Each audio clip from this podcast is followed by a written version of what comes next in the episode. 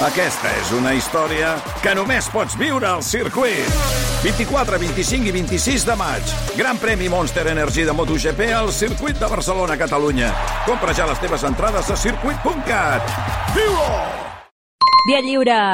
Podcast. Au village sans prétention, j'ai mauvaise réputation. Je me démène ou je reste Com quoi. que sempre feu prèvies abans de començar a xerrar del, del vostre tema, És que hi ha aquí, hi ha no alguna, alguna prèvia que hagueu Sí, de fer? una. A una veure, La nostra més enèrgica protesta. de què? Volíem un Ondes. Tu ens vas prometre un Ondas. Jo no he promès... No, no, no, no, un no, moment. Guanyarem un Ondas. Nosaltres no hem vingut a aquest programa a aplaudir el Basté. No, semblem el Barça de bàsquet.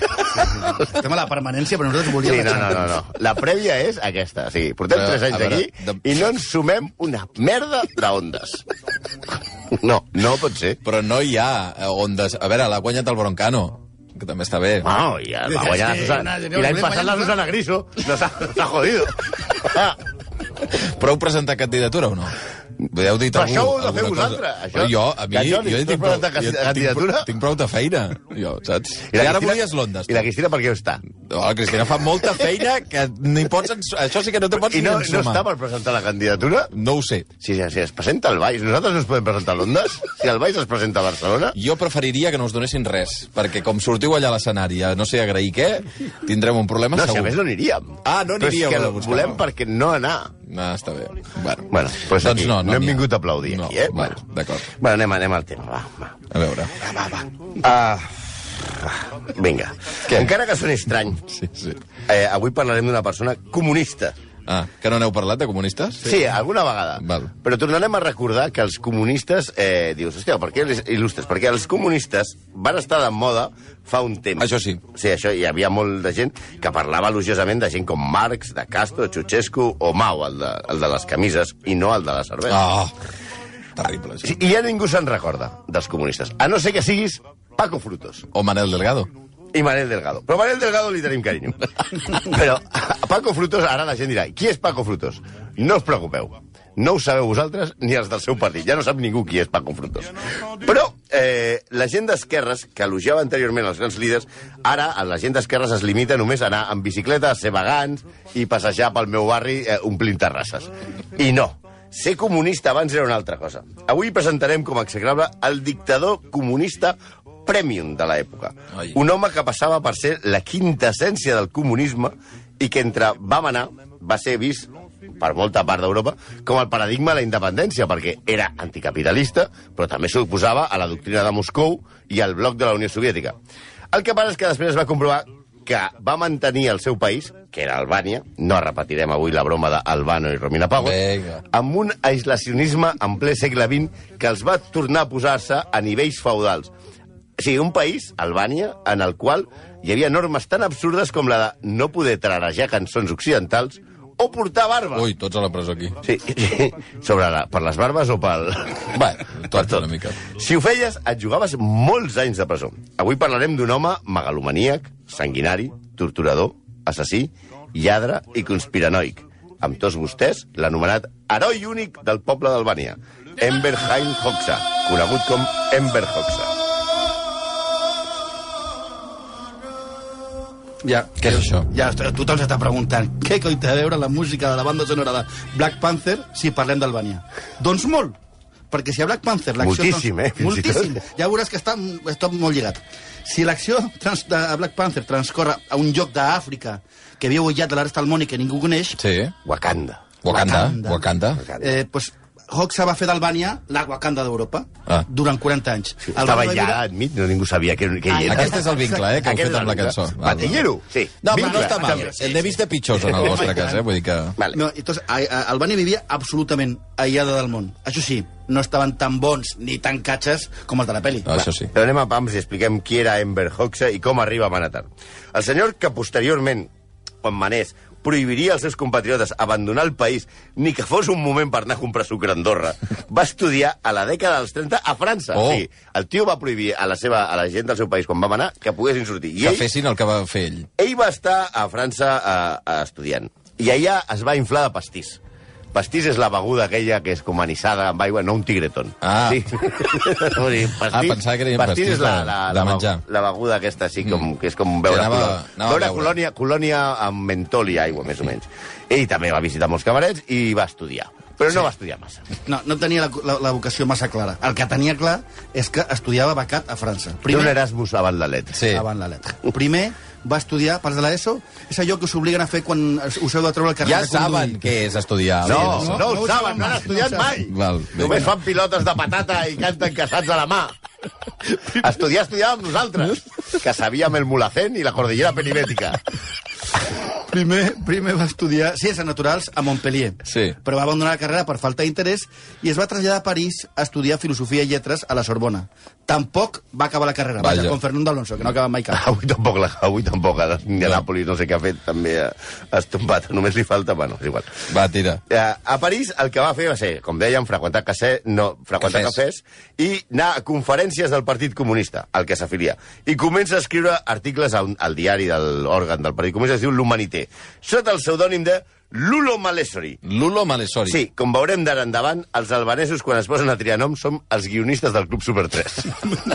De seguida es va revelar, com un militant d'esquerres d'acció. Sí, encara que us sembli estrany. Sí, els d'esquerres abans actuaven. Sí, per l'ESO i per tothom. Abans hi havia gent d'esquerres que actuava. Era el, ell era el que tenia que viure en una època sense Twitter, com, és el que té una època sense Twitter, com a arma de destrucció massiva per mirar de canviar les coses. Així que el nostre home es va enrolar a les brigades internacionals per lluitar contra el feixisme a Espanya. Carai. I després de perdre la guerra va tornar al seu país per ajustar al costat, de, al costat dels partisans albanesos contra els feixistes italians primer i els nazis alemanys després. Pas de l'ESO, això es passa a pantalles. Una exposició tan perllongada davant dels nazis pot fer que acabis semblant la cosa que combats. Això li va passar al nostre Ember, al nostre heroi. Oh! La Xuxa! Clar, Per què? Clar. A veure, eh, la Xuxa. Perquè Ara- quan van fer fora... Primer perquè Hoxa i Xuxa s'assemblen. El cognom? Oixa, Xuxa, sí, i el, el, escrit, el, ni- soci, ni i el soci, i el soci de, de Ember Hoxa a, a, a la lluita amb els partisans Sí. es deia Cosi Xoxe. Xoxe. Xoxe, Oxa, Xuxa. Bueno, està, ja està claríssim, no? Quin drama, tu. Bueno, ja Cada vist- dia pitjor. Tenim molt clar que els albanesos tenen una certa predilecció per explicatives posalveolars sordes. Per això la- han posat la- la cançó de la- Xuxa. la Xaix. Que és que La Xuxa és la Letícia Sabater, de Brasil. Vinga. és terrible. Riu i el acudit és seu, eh?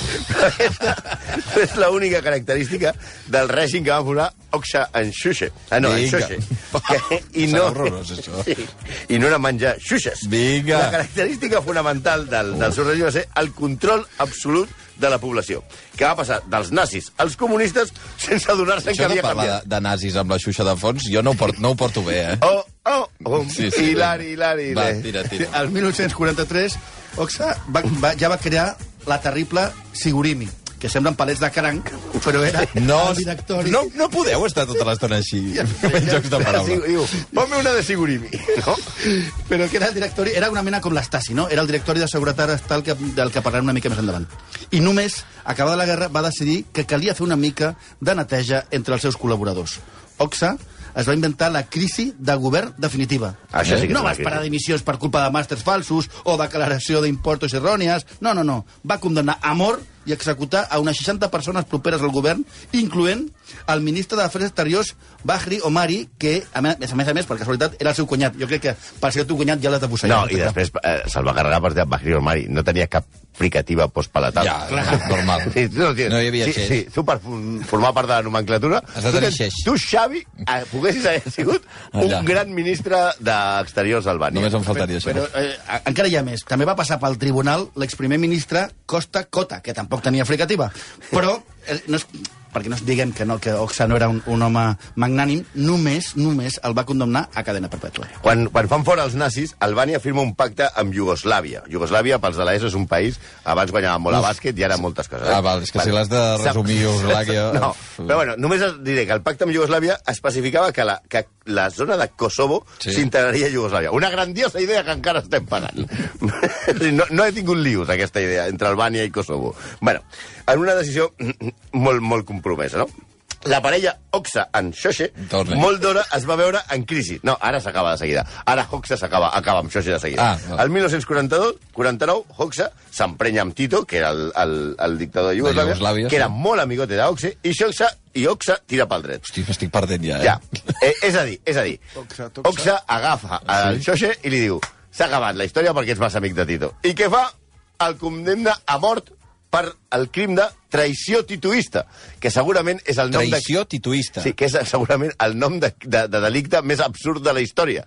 Dir, poden dir traïció, sediciós, tumultuari, però traïció tituista és molt xungo. O sigui, perquè no és Tito el de Verano Azul, eh? No, no, Tito l'altre. s'ho pren molt malament i el 1950 tanca la frontera amb Albània que va durar la tancada fins al 1990. 40 anys. 40 anys. Wakanda començava a formar-se.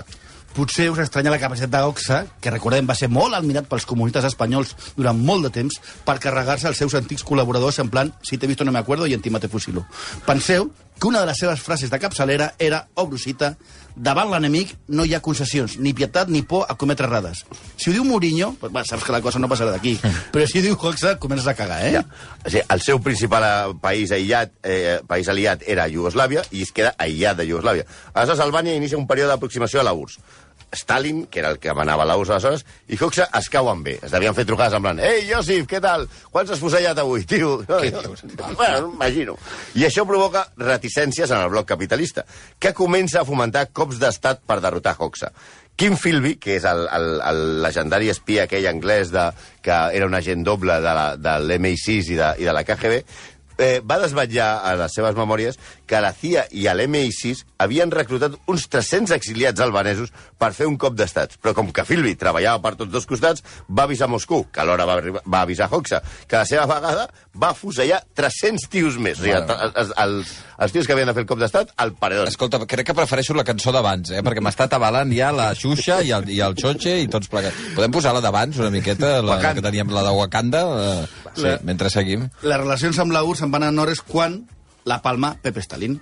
Aquí, amics de l'ESO, que ens escolteu, és molt important que preneu consciència d'una paraula que ha estat fonamental pels vostres pares, si es dona el cas, de que han militat alguna vegada en un partit d'esquerres. Ara queda malament dir-ho, però la nostra generació és aquella que té uns pares que fardaven d'haver militat en partits d'esquerres. Tots ells es posaven dels nervis quan sentien la paraula. Revisionisme. El Oh. revisionisme. El revisionisme és el que desactiva tot. I revisionisme no és quan vas a reclamar al profe l'examen. Dir revisionista a algú en un ambient d'esquerres és com dir-li a Stoichkov que se li noten tendències madridistes. No, simple a la vena. Revisionista és, és com un, una, una maledicció d'aquestes de Harry Potter que ho desactiva tot. Quan a un comunista li diuen revisionista, l'has cagat. bueno, tornem-hi. Khrushchev, que és el substitut de Stalin, va ocupar va, va muntar, eh, va, va ser, era el líder de la URSS. I Hoxha monta un pollastre en un congrés de, de, del Partit Comunista dient que eh, Khrushchev era revisionista, antimarxista i derrotista, i que ja no li estava amic, que no te junto i no juego contigo. I es va liar Otoe Parda. Oxa es va autoproclamar com l'últim defensor del marxisme-leninisme autèntic. S'ha de dir a favor seu que al paio li va passar un parell d'ous perquè li va cantar les 40 a Khrushchev a la cara i a Moscou. Nikita, que era el nom de Khrushchev, no un personatge de Doraemon, que també tenia un caràcter, recordava que, recordava que el senyor de les Nacions Unides va treure una sabata i va picar l'estrada. Ah, sí? abans- Sí, sí, es abans va treure la sabata sí, i pa! Posar dels nervis a Khrushchev era perillós. I, i, I Khrushchev recorda les seves memòries que, obro cita, especialment vergonyós va ser el comportament d'aquest agent de Mao Zedong, Enver Hoxha. Ens ha ensenyat els ullals de forma més amenaçadora que els propis xinesos.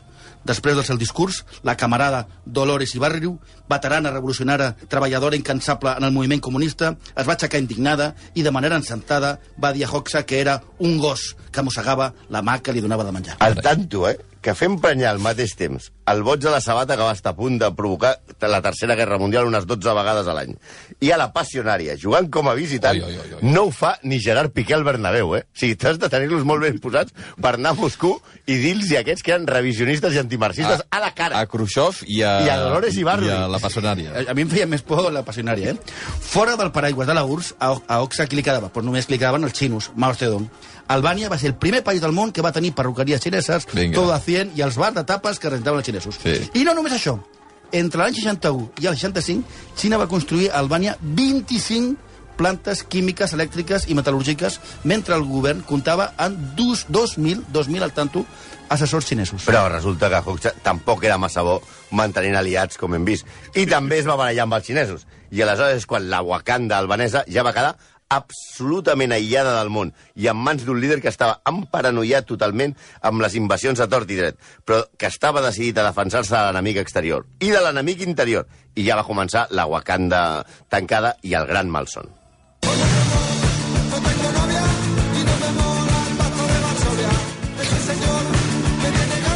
Cada...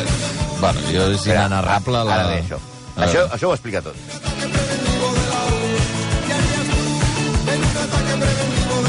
Mira, no ho sé eh, i Pues crec que Fox- prefereixo no saber-ho. Fox ja sí que sabia ah, sí que, ho feia, sabia, eh? amb un ataque preventiu de la, de la URSS. Perquè hem de dir que dintre del malson, Oxa va decretar algunes coses coherents, com per exemple, Albània era un país ateu. Ateu per collons. Sí, és com dius, aquí, som, aquí eren de missa per collons i allà eren ateus per collons. La religió estava prohibida, però també... Que És molt gran prohibir la religió, eh? Déu-n'hi-do. Sí, sí. Però també estava Bueno, prohibit- gran no sé si és gran, però és, un- és No, no, espectacular. sembla molt gran prohibir la Ja, religió. ja. però també estava prohibit que les persones, les persones portessin noms en referències bíbliques o religioses. Les barbes, que se, es veu que ja volia, preve, preveia el, el fenomen hipster, o el menjar halal, que sabeu que és aquest dels àrabs. Sí. Durant el seu mandat es van tancar més de 2.000 esglésies, 2.000 esglésies, monestirs i mesquites. Però, com que no tenien por a Déu, a cap Déu, el que sí que tenia Oxa era un cague general a una invasió. Clar, la cançó aquesta de Polanski, l'ardor de què haries tu en un ataque preventivo de la URSS, descriu perfectament el, el moment vital del nostre Ember, que es veia que la URSS el anava a envair en, qualse, en qualsevol moment. Per aquests motius es va posar a construir búnkers. Búnkers per tot arreu. O sigui, deia, què fem? Un búnker. Entre 1967 i 1986 van construir-se a Albània 750.000 búnkers per una població de només 3 milions de persones. Per això, Hoxha sabia què fer en un ataque preventiu a l'URSS. Tots al búnquer. Molts d'ells estaven foradats, els, els del govern, a, un, a una roca... Però a això un... són quatre persones per búnquer, eh? Sí, però bueno, en búnkers molt... Ideal No, no, però vull dir- vull entrar a dir- vivir. clar, clar, O vull sea, dir- me lo quitan de las manos. Ideal parejas. Aleshores, és, eh, hi, ha, hi ha una mena... És inacceptable, eh? Hi ha, hi ha una mena de gola que li diuen el, el Gran Canyón del Colorado d'Albània, que és un, Sí. sí. una zona que en aquella època només es podia arribar amb barca, Sí. que és el calor, el canó d'Escràter que és, ara és una atracció, una atracció turística, que Mhm. van allà a fer rafting i tal, però allà, que estava superaïllat, és on van foradar la roca les parets, que tenen 100 metres i cauen cascades, tipus Batcueva, i allà és on es van fer els, els búnkers els del, els del govern. O sigui, eren secrets. Pensa que aquests búnkers del govern albanès no es van descobrir fins al 1999. Ui, ui, ui. Sí, sí, eren secrets de veritat. Però la por davant l'amenaça exterior no era res comparada amb la que tenia respecte a l'amenaça interior. Rotllo Mourinho en Casillas, no? I aquí és on tornem a la temuda Sigurimi. Dos de Sigurimi. Vinga, torni. que va arribar a espiar a un terç de la població albanesa. O sigui, la seguretat va espiar a un terç de la població. Sí, la que, si eren 3 milions, van espiar un milió. Molt bé les matemàtiques, I- Santi. La Sigurimi tenia el seu quarter general a un antic hospital anomenat la Casa de les Fulles, que ara és un museu de l'espionatge quan van patir que, quan van patir els habitants del país. Sí, per fer-vos una idea, la Casa de les Fulles era com la tienda de l'espia, saps? Però, eh, però a lo Molt bèstia. xula la tenda de l'espia. Pues, pues la Casa de les Fulles era com... Ara, ara hi ha el Museu de l'Espionatge de, a Tirana i és un centre de, de, de I més R en qüestió de micròfons. O sigui, hi ha micròfons, hi ha, hi ha una exposició de micròfons que eren els que posaven als hotels, els que posaven als bars, els que et posaven a la dutxa, el que et posaven al telèfon. O sigui, clar, clar eh, pensa que en aquella època la delació, hem dit delació amb D, estava a l'ordre del dia. Tararejar una cançó pop, per exemple, pel carrer, era motiu per ser interrogat. De fet, Todi Lubonja, director de la radiotelevisió pública albanesa a la dècada dels 70, va ser acusat de conspiració per permetre música pop al famós festival de Kenges, que és un festival magnífic. No vull ni imaginar què hagués fet Enver Hoxha amb els d'Operació Triunfo. Mm. Es calcula que més de 5.000 persones Uh. van ser executades en aquest període per ser sospitoses de ser enemics de l'Estat. Ja, però el que passa és que no feia falta que tu parlessis malament del govern perquè et caigués el pèl. Un altre dels macabres lemes d'Ember Hoxha era... Atenció o aquest, eh? O Brusita, si només castigues a un individu, aquest pot assumir el risc. Però si colpeges a tota la família, la cosa canvia. Tan cosita. De fet, un dels delictes que et poden portar a ser investigat era el de mala biografia. I no vol dir un gire mal escrit sobre algú. Això volia dir que si un parent teu havia estat condemnat pel govern, tu tenies tots els números de la rifa per fer una visita a la tètrica Casa de les Fulles. Mira, per exemple, això és el que li va passar a un dels màxims col·laboradors de Hoxha, un senyor que es deia Mehmet Shehu, president del Consell de Ministres d'Albània durant 27 anys i ministre de Defensa d'Albània a partir de 1974. Shehu havia autoritzat la boda del seu fill, que es deia Skender, amb una noia que es deia Sílvia Turdiu, que era una, venia d'una família de la qual van haver-hi opositors al règim. Doncs bé, Enver Hoxha, el dictador, va participar a la festa d'anunci de compromís i amb aquesta actitud els va fer creure a tothom que donava el vistiplau a la relació. Però no! La va prohibir i, oh casualitat, dies després, Mehmet Shehu, que era el president, en aquell moment era ministre de Defensa, va morir amb un tret al cap a la banyera a casa seva el 17 de desembre de 1981 les autoritats van decretar que havia estat un suïcidi. El típic suïcidi que et fots amb un tret a la banyera. Tu vas a la banyera amb... Qui no va a la banyera amb pistola? A la ja banyera et talles les venes o va, ja em un tret. A sobre, el suïcidi a Albània també estava prohibit. Ah, Sí, sí, sí, per tant, era un delicte. però per la qual, fan? Aleshores, eh, li van, el van haver de...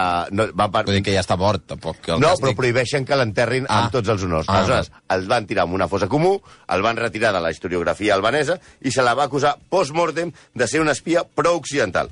La seva família, òbviament, va haver d'exiliar-se i, de fet, un dels seus fills, Maxim Sehu, és un escriptor que viu a Barcelona. Ep. Oxa va morir el 1985 i va ser enterrat amb tot el sonor del cementiri dels màrtirs d'Albània, mentre la seva filla, Prambera Colanesi, construïa una gegantina piràmide, rotllo eh, París, Sí, la, la, diguem-ne, la, la Sagrada Família de Tirana és la piràmide que va Sí, és construir una- la filla d'Enver És una piràmide de vidre que s'havia fet en l'honor de, per, per, que havia d'albergar al Museu Enver Hoxha. Però què passa? Que el 1991 el règim comunista va col·lapsar i el poble va abatre la monumental estàtua de Hoxha que presidia la plaça Stangenberg de Tirana mentre ocupava el barri de Bloku. on Però només- la piràmide la deixen. la piràmide Ah, la I això que era de vidre. Que és com la del Louvre. És com la del Louvre, però gegant. Però molt més gran. Però, Ah. I no saben què fer encara amb la piràmide, eh? Sí, i, i tos, el, la, la, la, el poble ocupa el barri de Volclu on només hi podien viure els dirigents i que venia a ser una mica com la finca on viuen els jugadors del Madrid, no? Era un barri de Tirana on només podien viure el, el, la nomenclatura. Això és collonut. La- L'exèrcit impedia que ningú s'apropés. Ara és un barri ple de mango i zara i amb la piràmide, que encara estan discutint què collons fan amb ella. Després del col·lapse del comunisme, el règim eh, el, el país es va veure absolutament endarrerit i com un dels països més pobres del món. Però fins i tot els albanesos van tenir la decència d'agafar el cadàver de Hoxha del seu Valle de los Caídos i el 1992, o sigui, fa 25 anys o 26, transportar-lo a un modest cementiri. O sigui, ells ja ho van treure al, al, als. Tot i que, com va passar aquí, encara queden nostàlgics del, remi, del règim. Queda, hi ha gent que encara uh, té nostàlgia d'Enver de, de, Hoxha. És el cas d'un home que vaig llegir una entrevista que li va fer al País fa uns anys, que es deia Baco. Era un exespia que treballava a la Casa de les Fulles i que ara és el guia turístic de la Casa de les Fulles. Aquest home és el... Aquí torturàvem. Mira, aquí Sí, fèiem les ungles I, als i, tor tios. I torturava jo. I era jo mateix. I torturava jo. I aleshores el tio, en aquesta entrevista al País, explica, resumeix el que és la situació d'Albània. Ell diu, obro cometes, diu, sí, jo era comunista, i encara ho sóc. El sistema de Hoxha era millor. Si parlaves malament del règim, anaves de pet a la presó. Però com a mínim ho sabies des del principi. No com ara, que pots anar a la presó i no saps per què Ah, collons. Mira, això és una manera de mirar-ho, que vols que et digui. 11 i 5 minuts, eh, execrables, gràcies, eh? A Sí, un, vosaltres. un missatge, Juan Cruz, queremos un està. Ah, carai. Tout le monde viendra me voir pendu, sauf les aveugles, bien entendu.